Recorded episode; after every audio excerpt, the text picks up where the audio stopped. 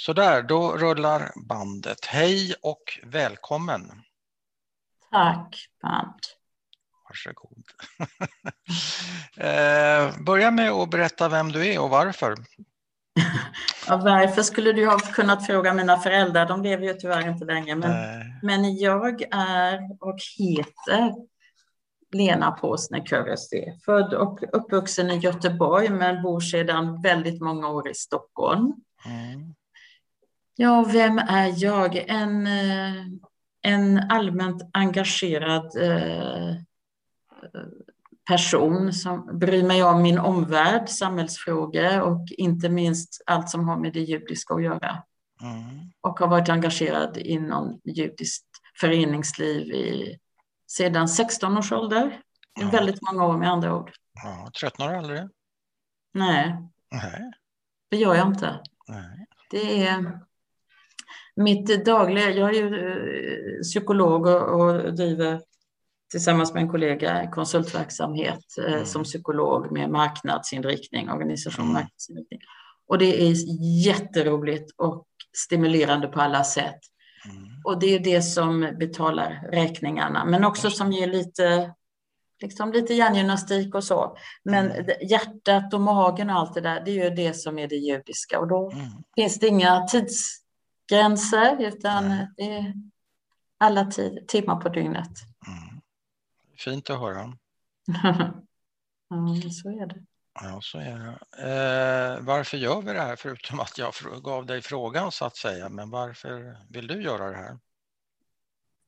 Ja, det, den frågan har jag ju funderat på eh, tidigare och det svar jag kom fram till då var att alltså, om vi ska gå till anledningen till att vi sitter i det här samtalet, är jag, jag har ju då två judiska föräldrar. Mm. Eller jag har jag, fast de inte lever. Mm. Och min mamma föddes i Sverige av eh, två judiska föräldrar som kom som barn. På olika, de kände inte varandra när de träffades i Sverige, mm. men som kom från eh, Ryssland okay. undan pogromerna i början på 1900-talet. Ja. Och mamma Mamma växte upp i ett väldigt eh, judiskt hem med sina, sin mamma och sina morföräldrar eftersom mina eh, morföräldrar skildes när mamma var fyra år, vilket var väldigt ovanligt på den tiden. Mm. Mamma föddes 1930, så 1934 skildes de. Mm. Och mamma, eh, mormor flyttade då till sina föräldrar som bodde i mm. Uddevalla och som mm. där mammas morf, morfar var både alltså kantor och mohel och ja. shojchet och ja. det var liksom och det var judiska centret i Uddevalla och det var många judar som kom dit och det var Schwarzman och det var, det var textil och, och fabrik. Ja. Var i Ryssland kom de ifrån? Var det Grodno? Eller var ja, ja, faktiskt. Ja. Faktiskt Grodno. Och det är ju Belarus idag. Ja. Och många kom just till Sverige. Ja. Och jag har inte förstått, många vet jag ju eh, som kom då var på väg vidare, men det var, inte, det. det var inte de, utan Nej. de stannade här. Så. Mm. Och eh, Uddevalla, Norrköping flyttade mamma till sen och eh, på morfars sida så var de ju aktiva. De var ja, men vad, vad, het, vad heter mamma? Mamma är Fridman och morf, mor, morfar var Fridman med i ja. utan e och Aha. kom till Göteborg och ja. hela familjen där. Sen flyttade han till Stockholm. Eh, och mormor var född Apt. Apt. Och vad hette mamma i förnamn? Astrid. Astrid. Ja, det var ett fint svenskt namn. ja, och det roliga är att hennes två halvbröder, eh, ja. som båda lever och är bosatta i Stockholm, heter ja. Ragnar och Sigurd. Ja. Och är väldigt judiskt. Och morfar Elias var aktiv som eh, Gabay i synagogan i Stockholm, bland annat. Mm. Så att eh, väldigt medveten judisk, både på mormor och morfars sida i respektive, ja. på respektive håll. Och ändå ger de sina barn sådana svensk-svenska, ja. ariska, nordiska namn. Ja.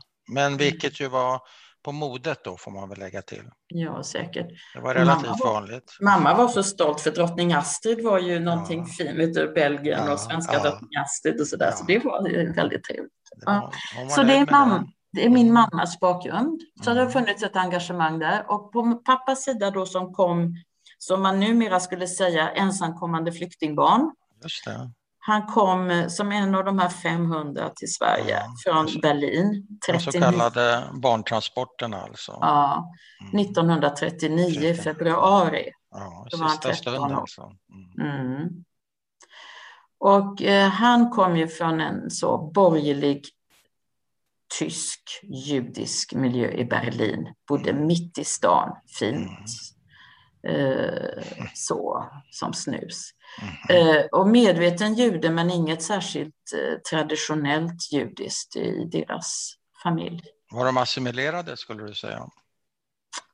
Alltså, pappa minns jag berättade att hans, hans mamma, alltså min farmor Anna Påsner, eh, var assimilerad. Mm. Det han, pappa gjorde ju familjeträd, så här, eh, vad heter det, släktträd Ja, och det. kunde ha härlett farmors släkt tillbaks till 1600-talet i. Tyskland. Ja, det är Mm. gammalt för att vara en Det judisk väldigt, släkt. ja, men du vet Det tyska, gammalt. tysk, Ja. och så de här kyrkoböckerna och det var Ja, ordnung. Så de hade kvar det där. Mor, farfar däremot, han kom från ett mer traditionellt hem. Så att det var så här, farfar var ju resande, bis- affärsman. Så Ja. att när han inte var hemma då på, under december, där julen berättade pappa som han minns sin barndom, då fanns det en liten julgran hemma. Men så fort farfar var på väg hem, då åkte den in i garderoben. Okej. Så det var lite olika bud Ja, från det farmor och olika. farfar? Ja. Det var lite olika bud, men det var det enda pappa har nämnt som var. Annars så blev han ju, han hann ju bli bar mitzva på Ja. Fasanerstrasse i synagogan där. Och, alltså, allt, allt det där var ändå... Men de var, verkade eh, relativt assimilerade. Var det Ja. Berlins stora synagoga på den tiden? Eller vad låg- vet jag inte. Det, nej, Nej, det vet det jag fanns inte. ju, fanns ju många. Ja, så att, eh, Ja, så det vet jag. Ja. Mm. Vad, hette, vad hette pappa? Ludvig. Ludvig, tyskt. Ludvig och Astrid. Ludvig, Ludvig. Mor, mamma hade ju bara ett namn, Astrid, men pappa Ja. hade två. Ludvig Gerhardt.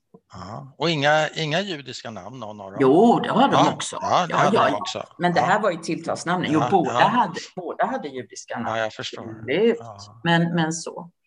Men jag tror mitt engagemang för att återknyta till det, eh, det, det bottnar i förlusten av pappas släkt. Mm. Och, och att min pappa slutade aldrig prata. Jag vet ju så många av mina vänner som inte fick höra ett ord. Det Nej. skulle förträngas, det skulle Ja. tystas. Eh, det skulle skuffas undan. Min pappa var precis tvärtom och det blev också lite för mycket. Det, blev det för mycket för dig? Det blev lite för mycket emellanåt. Under min tonårsperiod var jag ganska så uh, trött på det där. För att han pratade alltid om sin, sina föräldrar, om sin familj i Tyskland. Ja. Och han upphörde faktiskt, han dog när han var 70. Han upphörde aldrig att leta efter dem. Nej.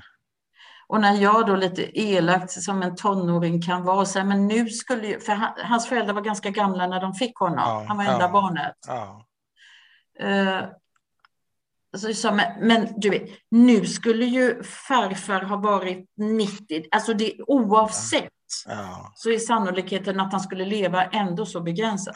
Men han fortsatte leta tills han förstod att det inte var möjligt längre.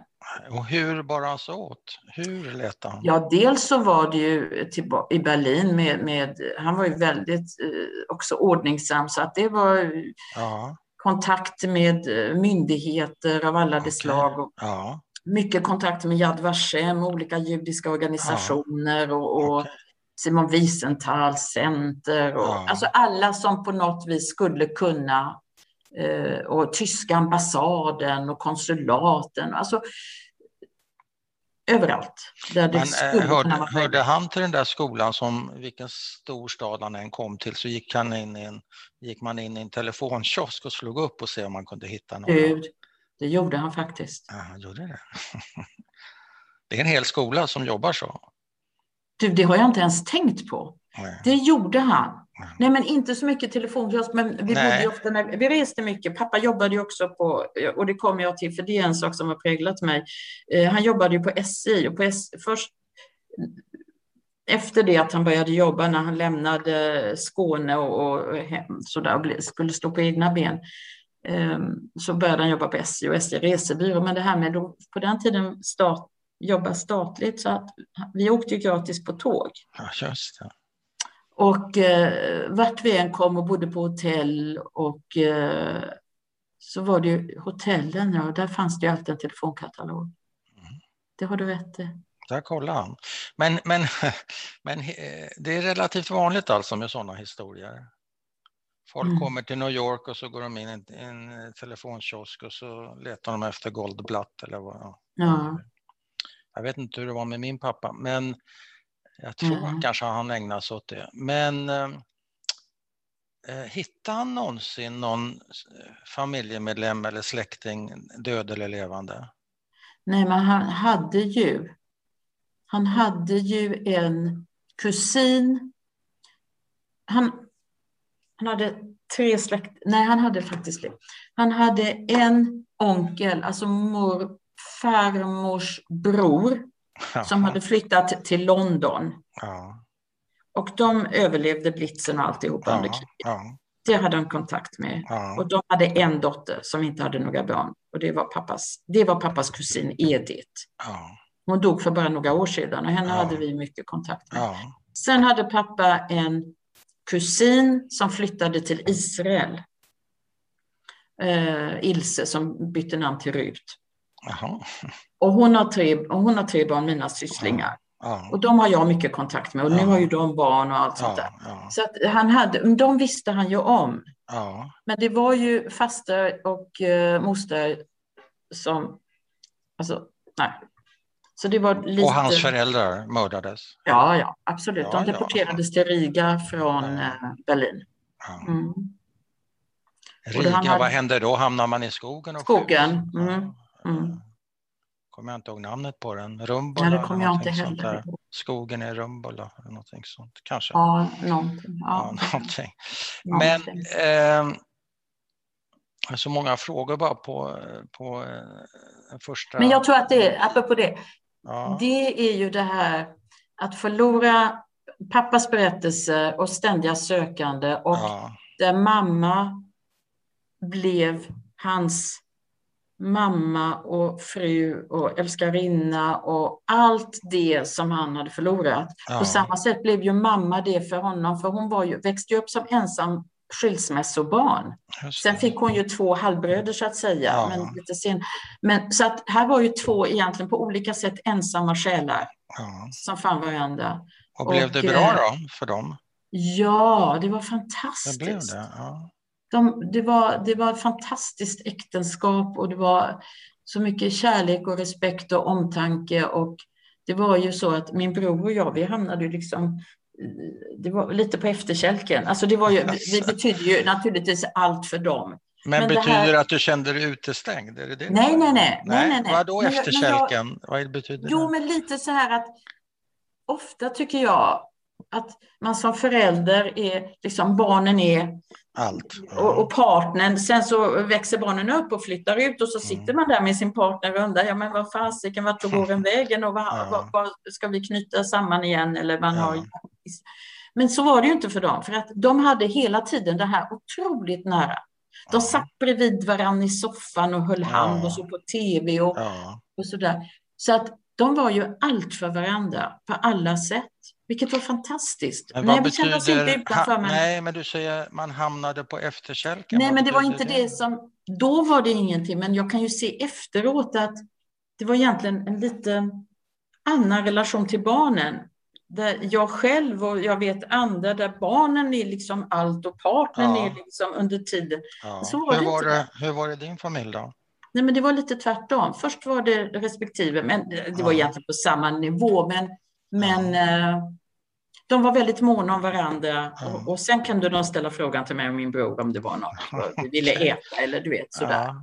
Så de vi var ju, de behövde vi var ju varandra. lika viktiga. Vad sa du? De behövde varandra. De verkligen. behövde varandra, eh, verkligen. Ja. Tror du att pappa levde med, man brukar tala om en överlevnadsskuld? Var det aktuellt för honom tror du? Min pappa jag frågade honom, han dog ju 96, jag vet att jag frågade honom så många gånger. De bodde ju i Göteborg, vi bodde i Göteborg. Han, han, när han inte jobbade så hade han, han, utbildade han sig tidigt som guide för tyska turister.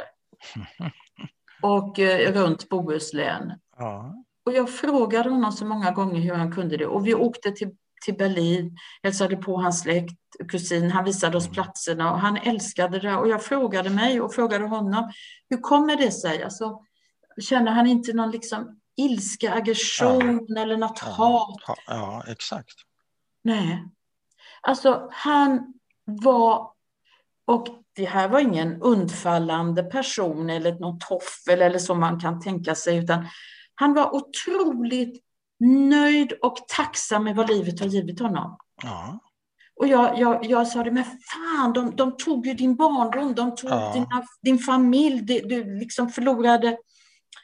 Ja, men jag har fått Alltså han, glaset halvtomt eller halvfullt, för honom ja, var det halvfullt. Det. Ja. det var halvfullt. Okay. Inga sådana, inga skamkänslor, ingen skuld nej, att han överlevde. Inga, nej. Alltså ingas, ingen eh, nedtryckt aggression eller, utan bara tacksamhet i dess positiva bemärkelse. Ja. Men känner du något, hat är ett väldigt starkt ord, men låt oss använda det ändå. Känner du något hat mot vad tyskarna gjorde mot till exempel ja, din Nej. pappa eller dina farföräldrar? Nej. Nej, det gör du inte heller. Nej, och jag tror att pappas förhållningssätt har smittat av sig så ja, på mig. Ja. Att, och det är det, för att komma tillbaka till mitt engagemang inom det judiska, att föra facklan vidare, att inte bryta kedjan, att någonting som höll på att totalt förintas, ja och, och som förintades i stor utsträckning för vårt folk och för min familj, ja. att jag känner ett ansvar, men ett ansvar som inte är tungt utan Nej. både viktigt och glädjefyllt och positivt. Att ja. inte vara den som bryter kedjan och att Nej. se till att nästkommande generationer, både eh, våra egna barn men också för andra, ska finna möjligheten att leva ett rikt judiskt liv om de önskar och på det sätt de önskar. Ja, men för dig är det inte man kan ju tänka sig att ett sånt där, att det kan vara ett ok, alltså någonting som är dränerande, eller så, du beskriver någonting som är stimulerande. Mm. Och det, ja, det, det, jag tror det är att det är, en, driv, ja, det är en drivkraft ja. faktiskt, utan att det är... Det finns en enda sak som jag har förstått som pappas erfarenhet påverkade mig mm. väldigt starkt och faktiskt negativt som jag sen kom över. Och det är det här med att pappas berättelse om hur hans föräldrar tog avsked av honom på, vid tåget i Berlin. Och de visste ju att det var sista gången förmodligen. Ja. Och han förstod ju inte det med sin lilla koffert Nej. och fiolen och små saker som han hade med 10 D-mark på fickan och så till, till Sverige. Ja. Eh, att varje sommar så, min mormor och hennes syster hade då flyttat eh, till Norrköping. Och eh, varje sommar eftersom semestrarna var bara två veckor och mamma var ledig med oss och vi hade långa sommarlov så åkte vi, var vi i Norrköping hos mormor på somrarna. Det där att vinka av vid tåget i Göteborg, pappa vinkade av oss, och det här med att vinka av vid mormor när vi skulle åka hem, det var fruktansvärt sorgfyllt. Alltså det var, jag klarade inte det. De här avskeden vid tågen. Oj. Och det tog mig faktiskt eh, några år i terapi också, ja. Eh, att förstå kopplingen till pappas avsked av sina föräldrar. Ja, du hade ärvt det, det traumat kan man säga. Jag hade ärvt just den delen ja. av ett trauma som... Eh, och pappa, pappa hade ju inte internaliserat, som det så vackert heter, det traumat för att han jobbade ju. Först jobbade han ju lite extra som stins och tågen. Ja, alltså. Men han hade nog behov av att det, det fanns ju någonting där med tåg eh, för honom också. Ja, just det. det men, det är, men det är... Men hur blev det för dig? Grät du och, och skulle du aldrig ja, se pappa var... igen eller aldrig se mormor igen? Eller men jag, det förstod jag ju inte. Jag ville nej. bara inte åka du där. Ville inte vara med? Jag, jag ville in, nej, jag ville inte lämna. Nej. Jag ville inte lämna. Det var inte att jag åkte till något, utan jag åkte ifrån något. Och den, det tog mig eh, ett antal år att eh, förstå den kopplingen. Och då, ja. idag är det inga problem. Och det är länge sedan det var det. Men som barn var det ett problem. Kunde pappa förstå den kopplingen? Det tror jag inte. Ingen tänkte på det. Ingen Nej. tänkte på det? Nej, det... Det var väl inte så långt bort? Tycker man. tycker man. Ja. Det var det ju tydligen. Det var det tydligen. Så att vad som än, även om... Men blev du tröstad eller tyckte de bara ryck upp dig? Hörru? Nej, gud, det var ju så gull och så, så ja, jag fick ju lite... Tröstad. Ja, du fick lite fick uppmärksamhet. Jag fick ju lite det, fast jag klarade av att få uppmärksamhet ändå. Det har jag alltid ja. lyckats med. Men, men, ja. Eh, men, men eh, ja. Ja. Men jag tänkte också, jag har suttit och grundat på, man sitter och tänker på grejer samtidigt som man pratar. Och det var det här du sa att ibland blev det lite för mycket i tonåren. Alltså pappas berättelser, du, ja. du fick nog. Ja. Lite grann. Liksom. Ja. Jag or orkar inte höra det här igen. Eh, Fanns det utrymme för den reaktionen? Kunde du vara öppen med den reaktionen? Eller? Ja, herregud. Ja, vi hade högt i tak, i alla ja. fall jag. Ja. Jo, men det kunde jag ju säga. Ja. Eh, och att eh, han kan väl sluta prata om det här någon gång, för att vi har ju hört samma sak 10 000 gånger. Och eh, det kunde han ju ta. Kunde han ta sen, det? Ja. ja, det tycker jag. Och det var ju snarare mamma som sa att bråka inte. Eh, bråka inte om det där. Men, men, eh, Bråka men, inte. Ja. Nej, för det tyckte de ju då att jag, jag var ju lite bro, liksom uppkäftig. Ja. Eh, redan, men, då, redan då? Redan då. Ja. Tänk. Ja. Det har jag inte vuxit ifrån. Nej, det är bra det. Eh, så att det, men sen kom det ju igen i något sammanhang så kunde det vara något som triggade honom. Och han, ja. det, det var ju en sån stor del av honom det här. Ja. Vad var det han berättade mest då? Oftast om? Fanns det någon, liksom en kärnberättelse för honom? Han ville ju, som jag minns det, eh, han beskrev ju sitt liv där som han minns det. Alltså han var ju bara 13 år ja. när han lämnade. Ja, ett barn.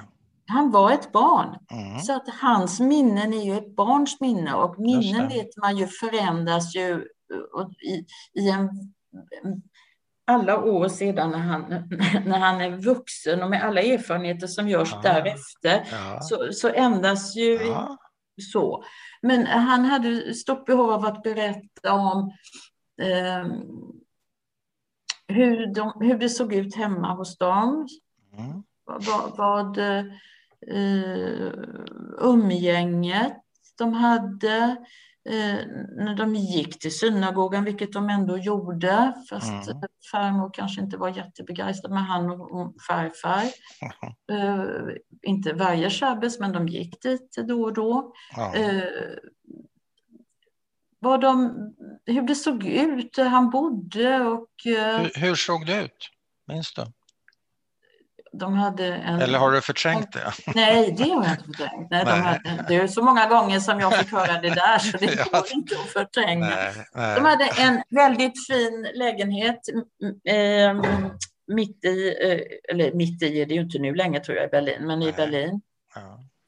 Eh, med mycket konst och det var lite fina möbler tyckte pappa. Det visade sig ju att ja. det var ju väldigt sånt där som inte jag tycker är så fint. Men du vet, det, Alltså 30-talet mm. är det ju. Pappa var född 1925, mm. så 30-talet det var ju mörkt och stort och tungt och fint. Ja.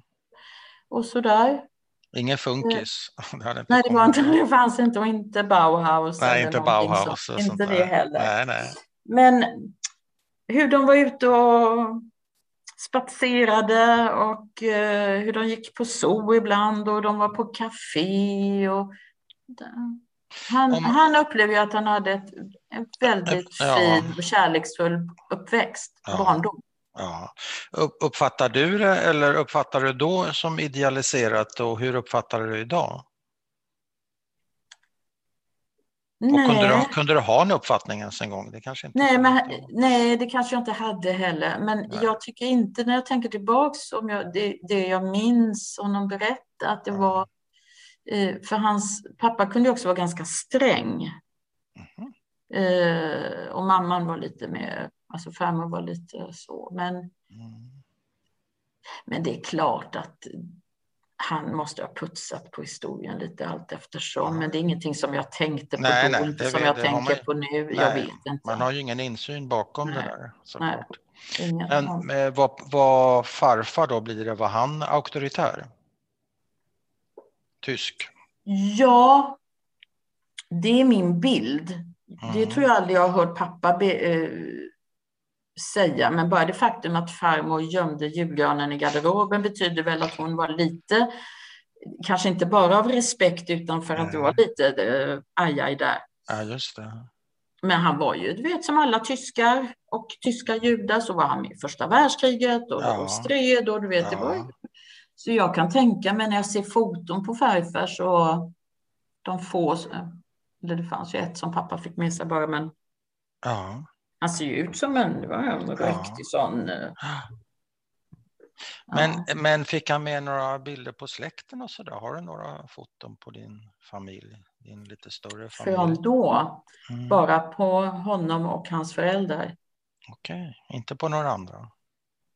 Inte av de som dödade eller mördades? Nej. Mm.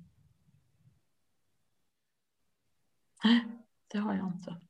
Men de som levde och lever, där ja, är det ja. en sak. Ja, ja, där finns det. Drömmer om de här någon gång, döingarna? Mörd, de som var mördade snarare, döingar var de ju inte, de var faktiskt mördade.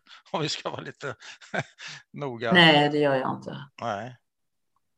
Och jag, jag har ju kommit upp i åren själv också, så att, men jag kan inte minnas att jag gjorde det då. Nej. Och inte nu heller. Nej. Borde jag det? Ja. du tycker att jag ska börja göra det nu? Mardrömmar tycker jag du skulle ha. Och så ska du vakna svettig och skrikande. Hade jag tänkt. Alltså man ser på film? Ja, nej, jag tycker ingenting. Jag bara... Det är inte likt dig Bernt att inte tycka något. Nej, jag bara fiskar efter ja, svar. Fiskar. Jag fiskar efter svar. Ja, men det är jättebra. Det är ibland, jättebra. ibland blir det napp och, och, ibland blir det inte napp. Jag är helt det... neutral inför det. Ja helt neutral. Nej, men det är jättebra. Ska man annars kunna ha ett samtal? Om, om Nej, men det är sant. Det är klart du får. Finns... Jag har ju mina fördomar och förutfattade meningar, de vägleder mig givetvis, men inte annars. Men de får du också dryfta med mig, för du vet, ja, men det gör vi har pratat ja. vidare, det finns inga ja, ja. konstigheter. Nej, men jag säger ju det, var, var ja, uppfostran det tysk, det är ju en fördom. Vadå, att? Var, var pappas uppfostran tysk, det är ju en fördom. Ja, det är men... så man tar sig fram.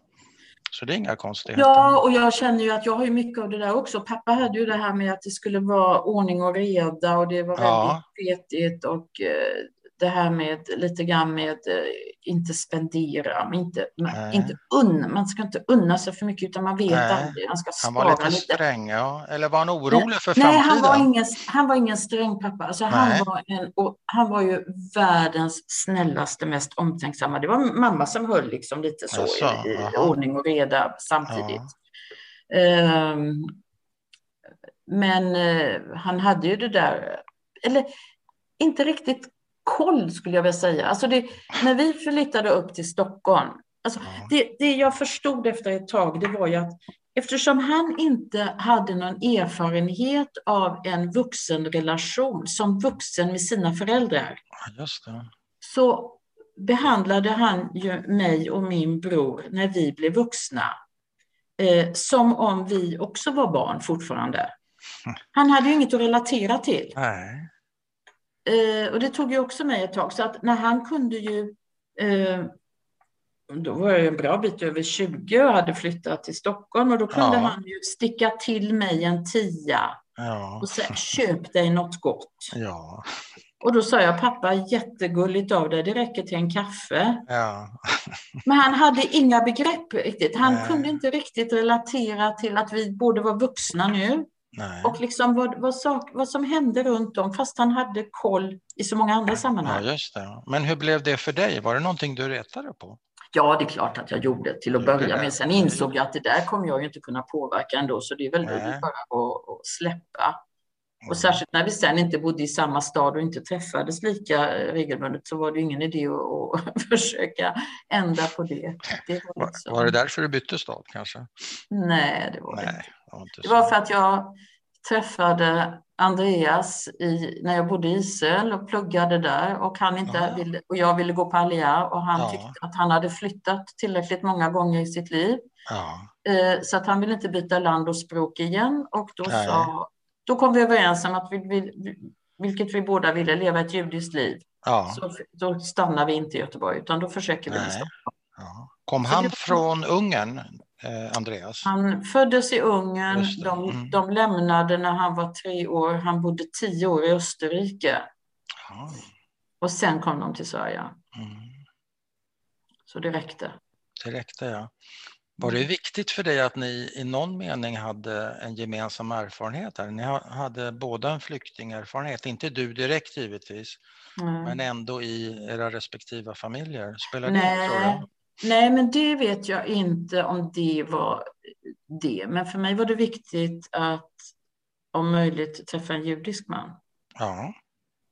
Uh, var det viktigt för dig eller för dina föräldrar?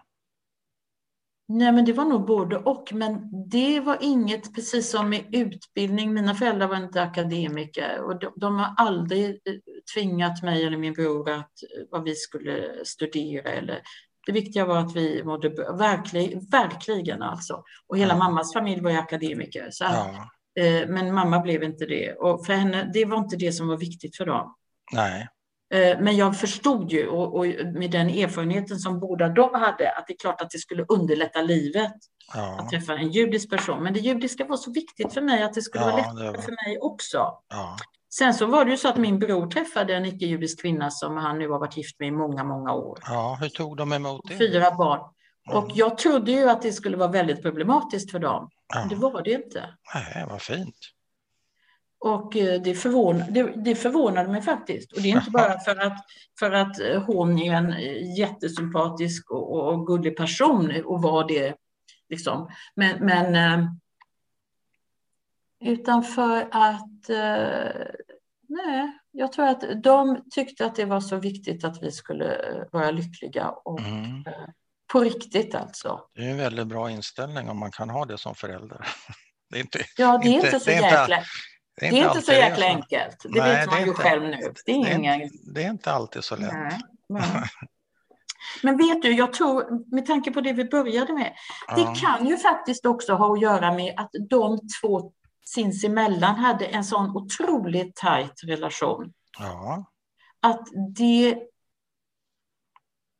störde inte på det sättet som det kanske gör man lever för och via och genom sina barn. Ja, ja du menar så. Det blev, ja, det blev lättare. Kanske, det har jag inte kanske. tänkt på förut. Nej.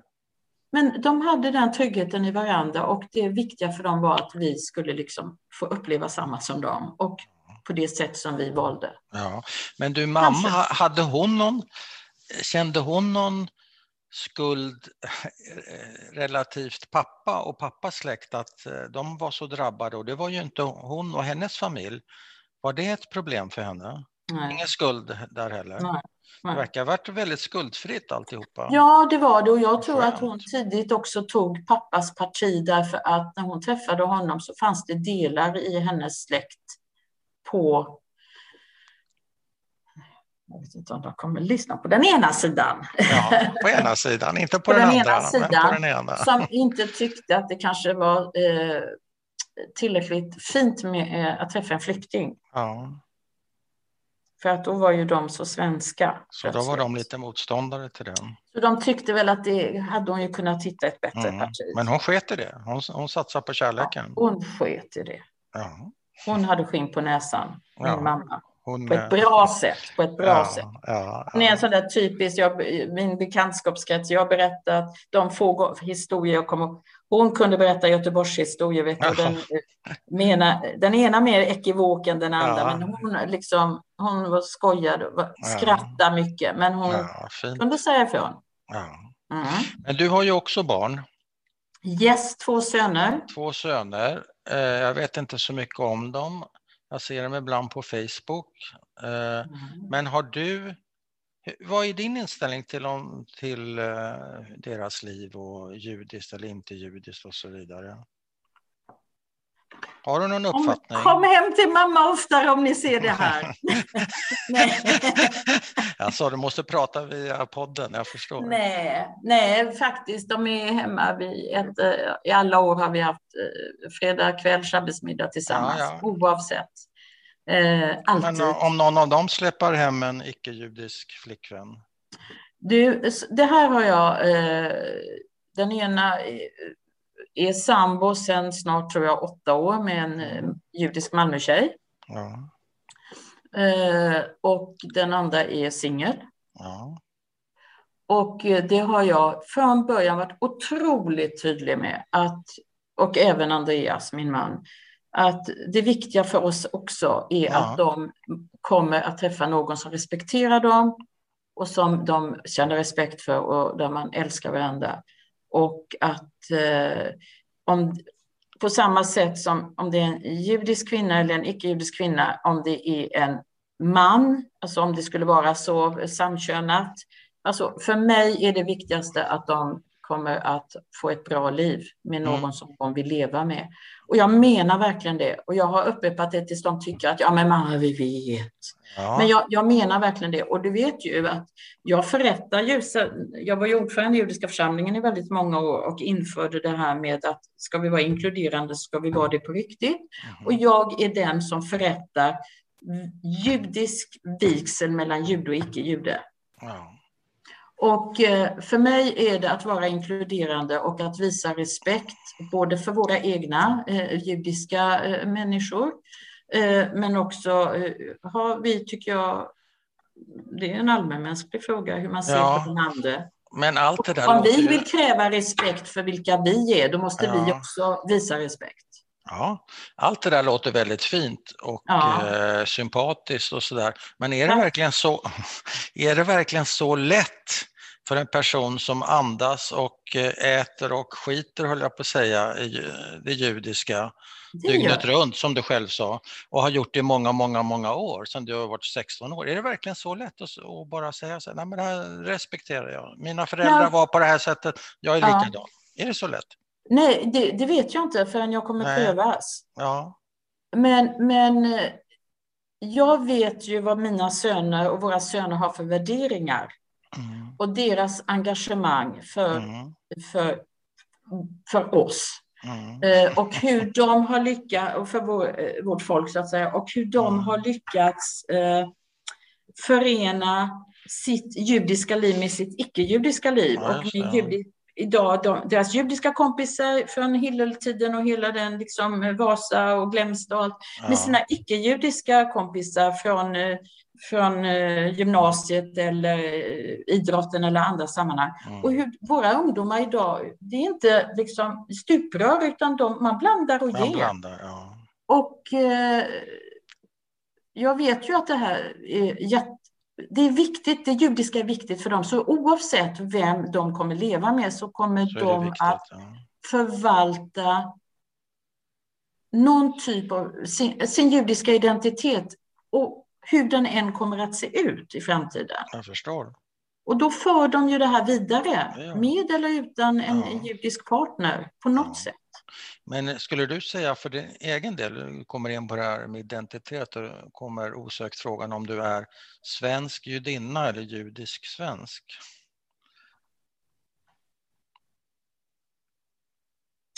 Jag är en svensk judinna eh, där jag tycker att bara frågan är när Björn Söder eh, förklarade, eh, Sverigedemokraten, ja. Eh, att judar och samer inte är svenska, då gick jag i taket och bad ja. Du var ju när jag var ordförande och då betackar jag mig för att andra ska definiera mig. Ja. Och jag är svensk och jag är judinna och det är absolut möjligt att kombinera. Alltså, Men är frågan fånig, dum, kränkande, larvig? Nej, Nej. Inte kränkande.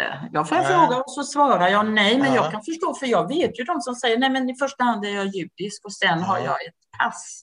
Ja, och, då, då, och då undrar jag lite ändå, men, men alltså, när jag är i Sverige så, och, och i olika sammanhang, då, då jag, jag är ju jag känner mig ju, det, det liksom, allting är ju så judiskt och, och, temperament och det är så mycket annat också med det. Men när jag är i Israel känner jag mig också väldigt svensk för jag vill att det ska vara i ordning och reda, man ska stå i kö och vänta på sin tur och man ska inte trängas. Alltså, nej, nej. Så att, jag har ju, det, det, är ju, man har ju faktiskt flera identiteter. Jag är ja, ja. kvinna och jag är mamma är och jag är, är, är psykolog. Vet du, vad det är, vet du vad det är för mig? Göteborg, göteborgare. Jag är göteborgare. Ja. ja. Också. Det är jag för mig med. Ja, också. Nej, men det är ju så. Och jag tror att så. det här är också lite, det är också svenskt på något vis att man, jag vet inte nu kanske efter Trump och eländet i USA, men att, att behöva ta ställning till om man är det ena eller det andra. Först, vad har jag för lojalitet? Det är ju en fråga egentligen om lojalitet, ja. underförstått. Ja. Och eh, ja, folk får väl ifrågasätta det då. Jag känner mig ja. så trygg med eh, Och jag, jag, vill, jag vill ju gärna, eh, vad ska jag säga, min, min crusade, liksom min framfart handlar ju om att tillåta människor att ha flera olika identiteter. Det. det. ena behöver inte utesluta det andra, det har inget Nej. med lojalitet att göra. Det är Nej. möjligt att ha flera tankar i huvudet samtidigt. Men tänker du på dig själv som att du måste vara lojal med det ena eller andra eller tredje? Tänker du, eh, är lojalitet en fråga för dig? Mer än att man är lojal med sig själv och kanske sin familj och sina barn, inte vet jag. Det är svårt att vara lojal med, med en nation, är det inte det? Ja, men alltså, jag har ju ytterligare en hatt numera som är väldigt intressant. Jag är ju demokrati, en av kommittén 100 och demokrati. Sverige firar 100 år i år av demokrati och jag är en av fyra demokratiambassadörer. Mm. Och då talar vi just om det och för mig är det liksom Sverige 100 år till och demokrati och hur kan vi värna demokratin och vilka utmaningar har vi nu? Mm. Och eh, i år är ju 100-årsjubileum sedan kvinnor fick rösträtt. Mm i vårt land. Mm. Eh, det är inte klokt. Nej, det är inte klokt. Och eh, alltså det här med lojalitet är ett väldigt konstigt uttryck egentligen för att det mm. är, man polariserar istället. Och, och eh, för mig handlar saker om respekt och tillit. Mm. Och eh, inte tolerans, för jag avskyr ordet tolerans, för jag tycker att det är ett maktbegrepp, att några är vänliga nog att tolerera några andra. Och det tycker jag återigen att jag kan betacka mig för. Jag vill, inte, toler jag vill inte bli tolererad, Nej. utan respekterad. Ja. Och, eh, och för, så att lojalitet är ju... Det, det är ett lite konstigt ord. Tillit, tycker jag, respekt. Tycker jag med. Tillit är ett väldigt bra mm. ord. Mm. Respekt, absolut. Mm. Och det är väl lite det. Min pappa däremot, han var ju väldigt lojal mot Sverige. Mm. Eller tacksam försöka... kanske? Ja, tacksam och det är inte riktigt samma sak. Nej, det är sant egentligen. Han har ju tagits emot och, och, fått en chans ja. och fått ja. ett jobb och ja. folk är bussiga och sparkar dem inte på gatan Nej. och så vidare. Och så Nej, men så är det ju. Nej, men det har du rätt i. Nej, men det är bättre ord. Det var ju det jag sa från början, att han ja, kände. Ja. Nej, men det är nog rätt. Men jag försöker få in det här med ordet lojalitet, men nej, det är inget bra. Det är inget bra. Nej. Nej, han känns inte som en person som är upptagen med att lojalitet. Men du pratar ju om den judiska gruppen. Det antyder ju att det finns att vi, är, vi judar är en grupp och underförstått ska vara lojala mot gruppen, eller? Nej, nej, för fasiken tvärtom. Det är ju, men vi, ja, tillhör ju, vi, vi, till, vi, vi, är en av fem nationella minoriteter ja, i Sverige. För. Ja. Vi, vi, tillhör ju samma folk. Men där tar ju ofta eh, liknelserna eller det här grupphistorien slut. För sen är det ju väldigt många olika sätt att identifiera sig på, att utöva eh, eh, sitt eh, judiska ja. eh, arv på, om det är kulturellt och historiskt och judiskt och religiöst ja. eller ja. politiskt eller vad det än är för någonting. Så att, eh, Nej, gubevars. Vi, Nej, vi är en skönt. grupp. Ja, det gör ju att om man gillar det här med diskussion och utmaningar och, och utveckling och så där så är det ju väldigt stimulerande för det blir aldrig Jo, tråkigt. nej, men det är ju två rörelser. Antingen kan man ju vara, jobba inåt, vilket ju du har gjort som Ja. ordförande till exempel. Ja. Men man kan också jobba utåt, outreach säger man väl på engelska. Och du Aha. sysslar ju med båda. Vilket är viktigast för dig? Outreach menar du hitta eh, judar som inte har engagerat sig i... Nej, jobba Nej. mot storsamhället menar jag då. Alltså ja, det går inte att göra det ena och inte det andra. Nej, okej.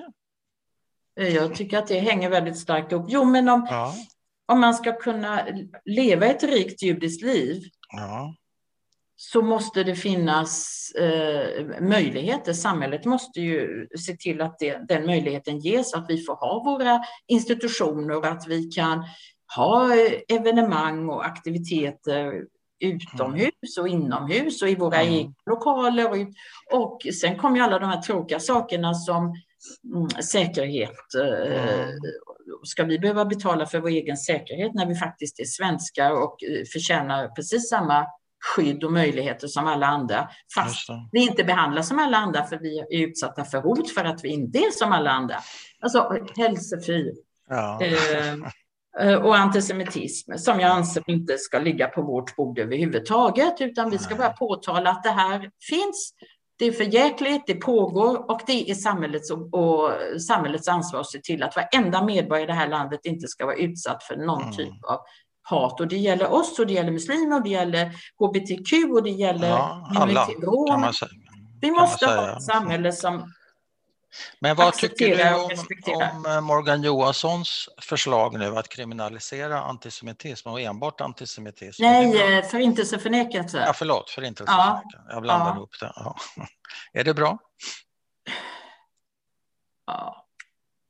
Jag tror att det är bra för det sänder en signal. Mm. Eh, Jag vet inte vad det kommer hjälpa. För de som förnekar, de förnekar. Det är ju förbjudet i en del andra länder. Men, men, men det sänder en viktig signal om att det, det, det är inte så här att ja, men min sanning, det här är vad jag tycker, men, men Ja, det finns det. en annan. Alltså David Irving och, och eh, England då för ett Ja. antal år sedan med eh, Deb- Deborah Lipstadt som eh, rättegången där om med förintelseförnekan. Ja. Eh, så det finns inte olika sanningar när det gäller förintelsen. Nej, Det nej. finns en sanning. Ja, men ska det vara kriminellt? Kriminaliserat? Ja, där, alltså det här är svårt. Jag har inte tänkt så mycket på det här Nej, just nu. Men, men det om kom ju det- upp precis. Jag tycker det Ja, det precis. Men om de nu föreslår det så kommer jag inte säga att det tycker jag inte. Nej. Men man behöver ju tänka till om vad det kan få för konsekvenser och vad det innebär i praktiken. Ja, och sen Eh. finns ju invändningen, ja men då har du ju folkmorden i Armenien, Eh, ska det vara lagligt att förneka och folkmordet här, folkmordet där? Så det blir komplikationer så fort man drar en sån där gräns. Men, eh, Ja, men man kan ju börja bra. någonstans. Man, kan får väl ta varje någonstans. fråga för sig. Så Alltså, man det, det, det, det, det är så konstigt resonemang. Är det allt eller inget? Kan man inte börja? Nej. Kan man inte se det här som processer och där man fördjupar resonemangen och gör ordentliga konsekvensanalyser och allt Ja, sånt där. ja, Vad får det för konsekvenser juridiskt? Kommer det här kunna innebära att att eh, de, man tänker till två gånger, förstår att det här kanske man behöver lära sig någonting om att det Ja. inte att det har hänt och vad det får för konsekvenser för individer Mm. om man fortsätter förneka och säger det har inte hänt och samtidigt så avskyr vi judar och Hitler gjorde inte tillräckligt. Men Nej. vad då Hitler? Det har ju inte hänt. Nej, just Alltså, det det. finns ingen, Nej, det finns ingen logik. Men det det finns ingen... Du, nu har vi av, avlägsnat oss, mest mitt fel faktiskt, för jag börjar ställa andra frågor. Eh, Och jag har inte svårt att följa. Så Nej, det har du verkligen inte. Eh, från den, hur det blev för den lilla Lena, för det var ju egentligen äm, dagens ämne. Och då Ja. undrar jag bara om, jag har väl inte så himla många fler frågor att komma med, men du kanske har något att tillägga i, i den frågan, hur det blev för lilla Lena? Jag tror att eh, där jag befinner mig idag, eh, mitt engagemang eh, för eh, det judiska i dess breda bemärkelse, eh, att jag valde ett yrke som psykolog, eh, min kaxighet och uppkäftighet eh, där det gäller att adressera människor utanför vår krets, ute i samhället, att inte eh, gömma mig med vem jag är. För att jag tycker att jag har ett... Jag har tagit på mig ett uppdrag att vara talesperson, oavsett om jag har en formell roll eller inte. Det finns ingen, i nästan inget sammanhang där jag befinner mig där jag inte gör tydligt vem jag är. Innan de frågar varför jag är så mörkhårig och talar så bra svenska.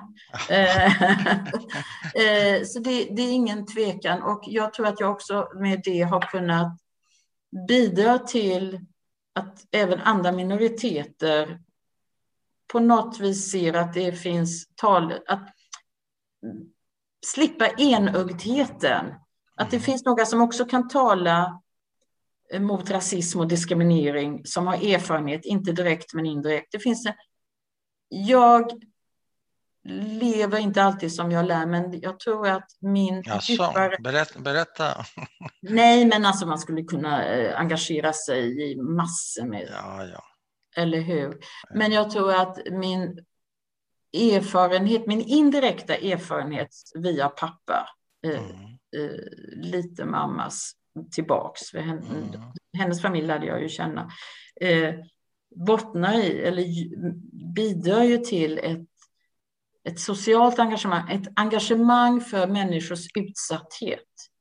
Och när man idag talar om flyktingar och det här med alltså, Sverigedemokraterna och skicka hem och inte ta emot, mm. så säger jag och tänker, det kunde ha varit min familj. Min Absolut. pappa fick möjlighet, alla, de flesta av mina vänners föräldrar fick en möjlighet. Mina svärföräldrar som mm. visserligen kom senare, men de kom ju också utan någonting eh, när de kom till Sverige på 60-talet. Mm. Vad hade vår församling, vad hade, vad hade det varit om vi inte hade fått tas emot? Och så många som inte togs emot under kriget och efter kriget mm. och som mm. därmed mördades. Jag kan inte vara delaktig i det. Jag kan aldrig acceptera att man har en sån människosyn. Och det är, tror jag, det som blev av mig på grund av den erfarenheten. Mm. Hur jag ser på andra människor och vad jag inte kan acceptera att man tycker och tänker. finns inga förmildrande omständigheter med Sverigedemokraterna eller NMR eller de här, den människosynen. Ja, Varenda jude som tycker att det är okej okay att rösta på Sverigedemokraterna har jag noll förståelse för. Noll förståelse för en sån människosyn. För vi måste titta oss i spegeln. Men de, de röstar väl på SD av många anledningar, men bland annat för att de uppfattar SD som en Israelvän. Och det är de ju ibland. Och ibland är de inte det, därför SD ändrar ju politik som andra byter strumpor. Ja, men man ska titta på, eh, om det är det enda så, så är det ju väldigt märkligt att det är en fråga, därför mm. att de vill förbjuda det som redan är förbjudet av koscherslakt, men också import av koscherkött. De vill förbjuda mm. manlig omskärelse. De vill förbjuda det som är viktigt för så många för att, och som skulle omöjliggöra ett judiskt liv. Absolut. Det tycker jag ligger oss närmast. Mm. Men anledningen till att de stödjer Israel har det ju varit väldigt tydligt också. De har inte stuckit under stol med det. Det är ju för att Israel är i krig med, eh, och det håller på att ändra sig också, med arabvärlden och med muslimer. Med muslimer de avskyr muslimer och ja. då har man hittat en ja. vän. Så min fiendes, eller min ja. väns, vad man nu säger. Ja, men... Eh, men det håller på att förändras så jag vet inte då vad som kommer hända. Om Israel nu eh, går, sluter fred med eh, Arabemiraten och kanske Saudiarabien snart och så vidare. Oj då, Mm. Hoppsan, okay. vad jobbigt det blir. Ja, nu var vi inne på politik igen. Ja, då, det går bra med. Allt, det går bra med.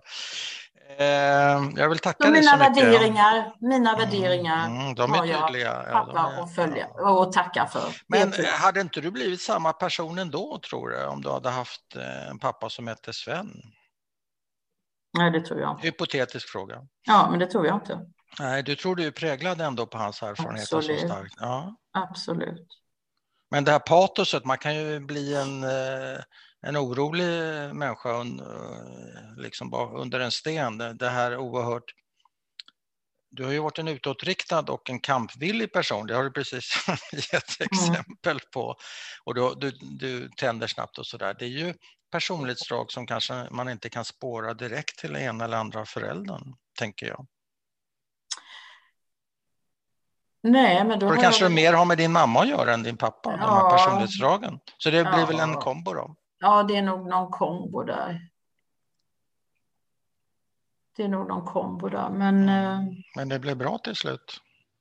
Ja, jag, jag, jag är i alla fall nöjd med tillvaron ja, och med bra. Eh, det vi åstadkommer, många, mm, många åstadkommer. Och eh, att vara ut, ute där, vi är en del av det här samhället och det är mm. jätteviktigt. Mm. På samma sätt som det är viktigt att bygga starka egna möjligheter för utövandet. Mm. Och, ja. Bra. Då tackar jag eh, så hemskt mycket Lena. Tack Bernt. Tack Tänk för att du fick komma får... och hälsa på. tack till dig för ja. det här som du gör nu. Det är ju ja, tack, med så tack. många samtal. Det är jättefint. Ja, hej, jag stänger av här. Hej då. Då stänger jag också då.